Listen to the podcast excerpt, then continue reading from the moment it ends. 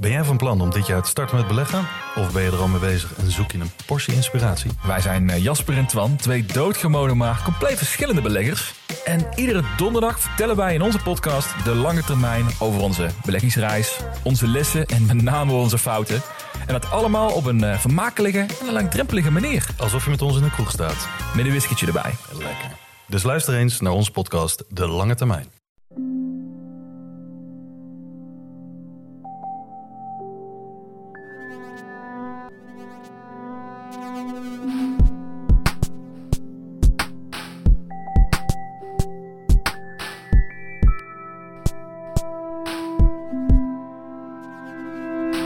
Dit is Relaas, waarin iemand een verhaal vertelt over iets dat hij zelf heeft meegemaakt.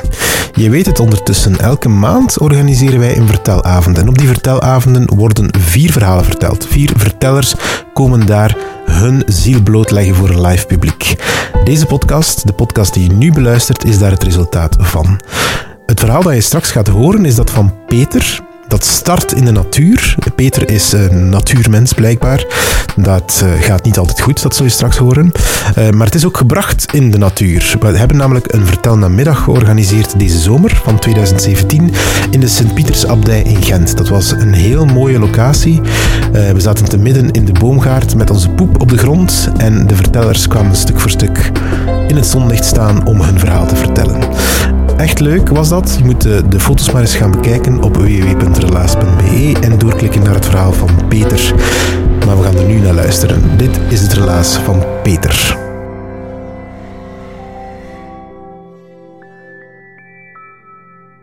Eind augustus 1989 reisde ik met mijn vriendin, ondertussen mijn vrouw, naar het zuiden van Frankrijk. Op naar de Périgord, de Dordogne-streek, waar een van mijn oudere zussen sedert een aantal jaren woonde. Ik bezocht haar geregeld, maar dat ene jaar, 89, dat ga ik niet gauw vergeten. Want op dat moment had ik toch wel een bijzondere boodschap voor haar.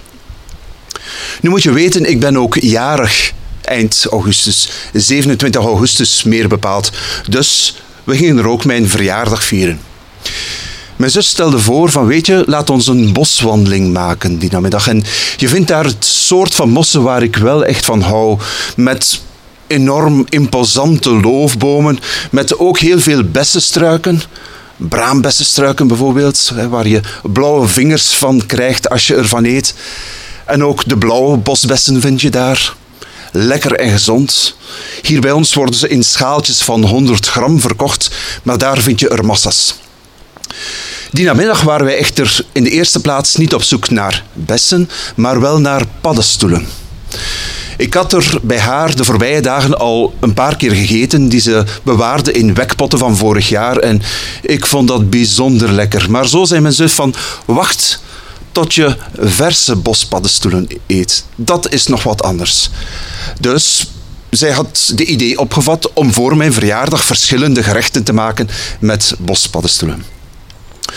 Het was een zondagnamiddag en haar man reed ons via allerlei kleine, onogelijke weggetjes tot een eindweg in de bossen. Wij met z'n allen, de vier volwassenen en ook vier van haar kinderen, voorzien van een aantal emmers om, haar, om onze oogst mee te nemen. Ik moet toegeven, makkelijk was het niet, want het was nog vrij vroeg op het seizoen, eind augustus. Maar mijn zus wist een aantal interessante plekken staan van vorig jaar waar je gemakkelijk paddenstoelen kon vinden. Ze leerden ons al snel ook de belangrijkste soorten kennen. zo zijn er de onmiskenbare kantarellen en ook het eekhoorntjesbrood. Mijn zus had een belangrijk devies, namelijk als je een paddenstoel ziet staan die je niet kent, blijf er af, niet aanraken. Ook drong ze er bij ons op aan om de paddenstoelen niet te plukken, maar boven de grond af te snijden. Om te vermijden dat je de ondergrondse zwammenvlok zou gaan beschadigen. Deze zwammenvlok is ervoor verantwoordelijk dat er mooie heksenkringen kunnen ontstaan. Ik moet zeggen, ook voor ons als, als niet-kenners was dat best wel leuk om paddenstoelen uh, te zoeken en op paddenstoelenjacht uh, te gaan. En na verloop van tijd uh, hadden we een mooie verzameling bij elkaar. Op het einde van de middag hadden we een tweetal emmers. Dus kon de tocht terug naar haar huis van start gaan. En daar aangekomen kon de mooie avond à la Française van start gaan. Voor de mensen die niet weten hoe dat gaat, wel, dat begint met een eerste glas aperitief. Het is daar de streek van de Pinot en met de bijhorende noten erbij is dat echt wel lekker. Na dat eerste glas aperitief komt een tweede glas. Ondertussen bracht mijn zus ook wat olijven, derde glas. Zij was ook bezig met uh, tal van gerechten uh, aan het maken en, en die bracht zij ook stelselmatig. Wat hebben wij lekker gegeten die avond? Een soepje van bospaddenstoelen. Gestoofde paddenstoelen. In olijfolie met een klein vleugje look erbij. Meer moet het echt niet zijn. Een omelet met allerlei soorten paddenstoelen en die smeer. En uiteraard telkens voorzien van de nodige wijn. Dat uh, festijn heeft een tijd lang geduurd en het plaatje dat daarbij hoorde, dat was ook bijzonder aangenaam. In die zin, we zaten in een omgeving niet zo groot als, als deze omgeving hier, maar op de binnenkoer van uh, de boerderij waar ze woonden, stonden er allerlei mooie bomen, mooie struiken ook. Er waren honden aan het spelen met elkaar. De kinderen konden er ook ongehinderd uh, ravotten. Een perfect en idyllisch plaatje.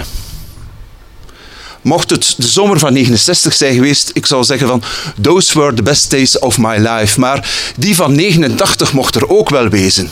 Want die avond zouden mijn vriendin en ik officieel aankondigen aan mijn zus dat wij zouden trouwen in de week tussen kerstdag en nieuwjaar van dat jaar. Dat is de week waarin mijn zus gebruikelijk met haar gezin naar België komt om de rest van de familie te bezoeken.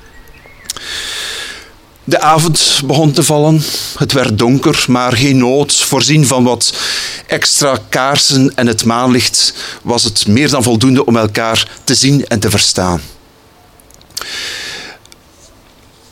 Op een bepaald moment begon ik wel te voelen van oei, ik heb het precies wel gehad van, voor deze avond. En, en ik, ik uh, dacht van mm, ik uh, ga het hier maar uh, bij houden. Na die vele aperitief, na dat vele eten, na dat vele drinken. ik voelde mij, voelde mij niet zo goed.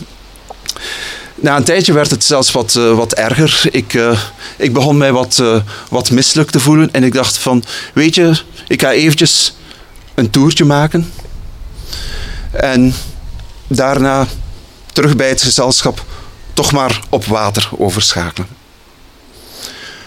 Zo gezegd, zo gedaan. Maar ik voelde dat het niet uh, echt beter werd. En meer zelfs, ik begon de idee te krijgen van oei, ik ga hier moeten overgeven. Ik hield het niet meer uit en, en ik heb mij dan heel discreet, of zo discreet mogelijk, van het gezelschap verwijderd. En ben dan verderop tussen de struiken in haar tuin effectief gaan overgeven. Achter mij hoorde ik het gezelschap met mij lachen van ha ha ha, nonkel Peter heeft te veel gedronken. Ha. Toen het uh, ergste gepasseerd was, ben ik terug naar het gezelschap gegaan en ben ik inderdaad maar op water overgeschakeld. Het waterdieet. Na een tijdje voelde ik opnieuw van, hm, dit, dit, dit klopt hier niet. En, en, en, en ook wat ik, wat ik zag was, was heel vreemd. Uh, de beelden die ik zag waren raar. Uh, dingen kwamen op mij af. Dingen gingen verder uh, gaan staan. De wereld was al aan, aan het tollen. Het was alsof ik in een soort van spiegelpaleis rondliep. En opnieuw dacht ik van, ja, ik, ik moet opnieuw gaan overgeven. Dit, dit gaat niet goed. Dus ik terug van tafel, op weg terug naar mijn kotshoekje. Maar zover ben ik niet geraakt, want ik ben gewoon door mijn benen gezakt. Zo zat als een Zwitser, zal je denken. Maar er, er, er was meer aan de hand. Want die beelden die, die ik zag, die, die werden maar vreemder en vreemder. En op een bepaald moment begonnen mijn armen en, en mijn benen allerlei ongecontroleerde bewegingen te maken, alsof ik een soort van bezetene was. Mijn vriendin, die zag dat, die kwam op mij afgerend en ik wou haar vragen van, wat gebeurt er hier toch? Wat is er aan de hand? Maar ik slaagde er niet in om gewoon te praten. Nee, ik was meer aan het, aan het brabbelen en ik, ik, ik slaagde wartaal uit. En, en met, met een volume dat ik niet meer onder controle had. Ik was ook drijfnat. Ik zie nog voor mij, als ik daar op de grond lig te spartelen, mijn vriendin die naast me zit, over mij gebogen. Ze probeert mijn handen vast te houden. Ik zie de angst in haar ogen. En ze vraagt aan mij van, wat gebeurt er toch, Peter? Dat is het laatste beeld dat ik mij van die avond in de tuin herinner. Want nadien ben ik bewusteloos geworden. Vol paniek is mijn vriendin toen naar mijn zus gerend en gezegd van hier moet een dokter komen. En, en toen die dokter hoorde wat er aan de hand was, was zijn onmiddellijke reactie direct naar het ziekenhuis ermee. Vervelend detail, het dichtstbijzijnde ziekenhuis was in Angoulême, zo'n 40 kilometer verderop. Het volgende beeld dat ik mij herinner. Ik ben terug bij bewustzijn. Ik blijk op een brancard te liggen in een ziekenwagen. Zo ontdekte ik nadien. En naast me zat op een klapstoeltje een verpleegster. Ik voelde dat ik opnieuw moest overgeven en, en ik wou aan de verpleegster een, een, een kom vragen, maar ik kende het Franse woord voor overgeven niet. Vomir. Ik zal het niet gauw vergeten. En voor ik maar iets kon zeggen, was de volgende kotsbeurt er al en ik zie nog de, de schoot en de schort van de verpleegster onder mijn kots. Excusez-moi, madame, maar ik kon er ook niks aan doen. Veel meer herinner ik mij niet van die tocht. Alleen, beste mensen, neem het van me aan als je op een brancard ligt in een ziekenwagen die volle vaart door een heuvelachtig landschap rijdt. Nee, geen pretje. Volgend beeld. Ik word wakker. Ik lig in een ziekenhuisbed met naast me een kom. Altijd handig in dit soort omstandigheden. En tot mijn verbazing zie ik dat mijn schoonbroer ook in een bed op dezelfde kamer ligt. En wat ik dan van hem ben te weten gekomen, dat is dat naast wij tweeën ook mijn vriendin en mijn zus en twee van de kinderen ook in het ziekenhuis waren genomen. We lagen met andere woorden met zijn zessen in het ziekenhuis. Gelukkig was ik de enige die er zo erg aan toe was geweest. Bij de anderen deden die vreemde verschijnselen zich in veel minder mate voor en bleef het bij wat overgeven. Geef toe.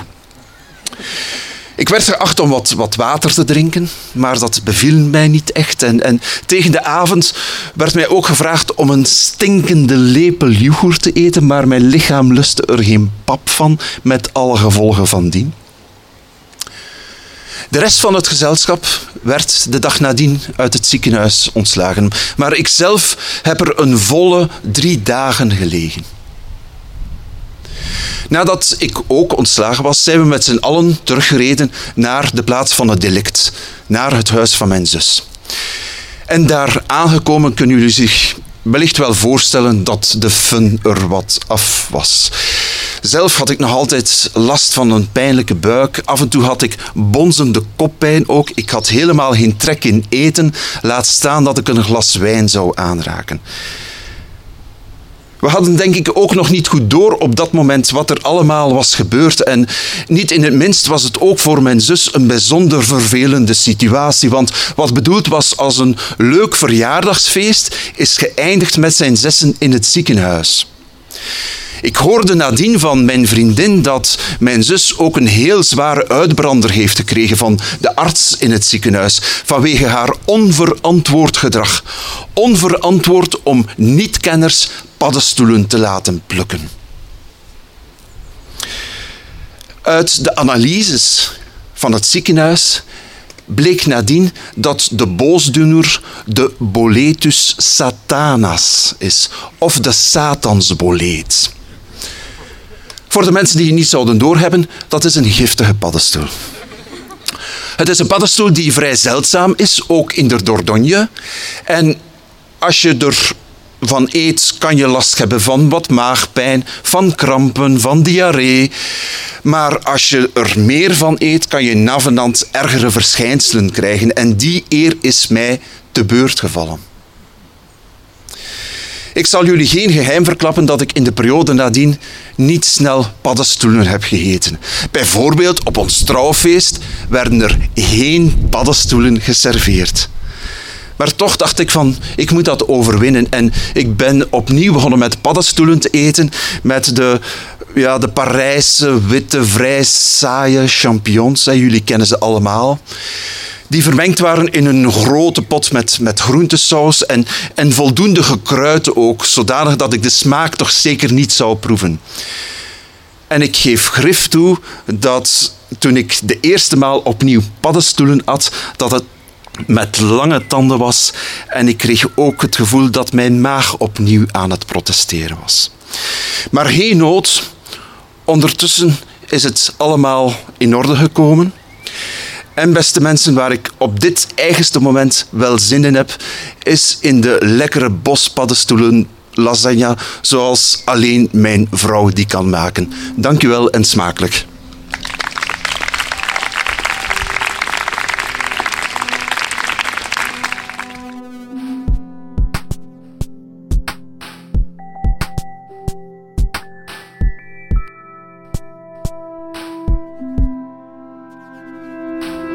Dat was het relaas van Peter. Hij vertelde het ergens in de zomer van 2017, terwijl wij allemaal op ons poep in het gras zaten van de Sint-Pieters Abdijtuin. Dat was super mooi zomers zonnig. En we hadden allemaal taart meegebracht en koffie meegebracht en schuim meegebracht. En dat was heel gezellig. We hebben daar uh, vier prachtige verhalen gehoord in de Sint-Pietersabdij-tuin van uh, heel verschillende mensen. Er staat trouwens nog een ander verhaal op onze website van in die Sint-Pietersabdij-tuin. Dat is het verhaal van Ine. Moet je zeker ook eens beluisteren. En als je zin hebt om een verhaal door te sturen, doe dat gerust. Stuur een van de verhalen die iets met jou gedaan hebben door naar een vriend of een vriendin. En op die manier krijgen wij meer fans. Dankjewel daarvoor. Misschien wil je zelf wel een verhaal delen. Dat kan ook. Um, dat hoeft niet per se te zijn. Je kan ons ook gewoon bellen of tippen en dan bellen wij jou op. En dan horen wij al eens met welk verhaal dat je zit. En je krijgt dan een vriend aangewezen, jouw vriend van relaas. En die zal samen met jou het verhaal vormgeven totdat dat helemaal goed zit. En die zal jou begeleiden totdat je klaar bent om dat verhaal te vertellen op een vertelavond. Je staat er dus helemaal niet alleen voor. Je hoeft er dus ook geen schrik voor te hebben. Zelfs als je al een idee hebt voor een verhaal of als je iets hebt meegemaakt dat je graag wil delen. Ga gewoon naar onze website en tip ons jouw verhaal. Relaas komt tot stand met de hulp van de stad Gent. Onze partners zijn Urgent FM, Den Hopzak, Huset, Rek en Quindo. Uh, we organiseren vertelavonden in Gent en in Antwerpen. De volgende vertelavonden kan je checken op onze website www.relaas.be en dan klikken op events. En daar kan je ook meteen tickets kopen als die te koop zijn op dat moment. Dankjewel ook aan het hele Relaas-team. Uh, Stefan Greijaert, Timon van de Voorde, Sarah Latree, Dieter van Huffel, Anneleen Schelstraat, Ruby Bernabeu Plaus, Charlotte Huigen, Marlin Michels, Evert Saver, Philip Cox, Katlijn de Vries, Evita Nocent, Anna van den Abelen, Steve Konaar, Sarah de Moer, Wouter Dupré, Egwin Gontier en ikzelf ben Pieter Blomme. Surf voor meer verhalen naar www.relaas.be. Dankjewel, tot de volgende keer.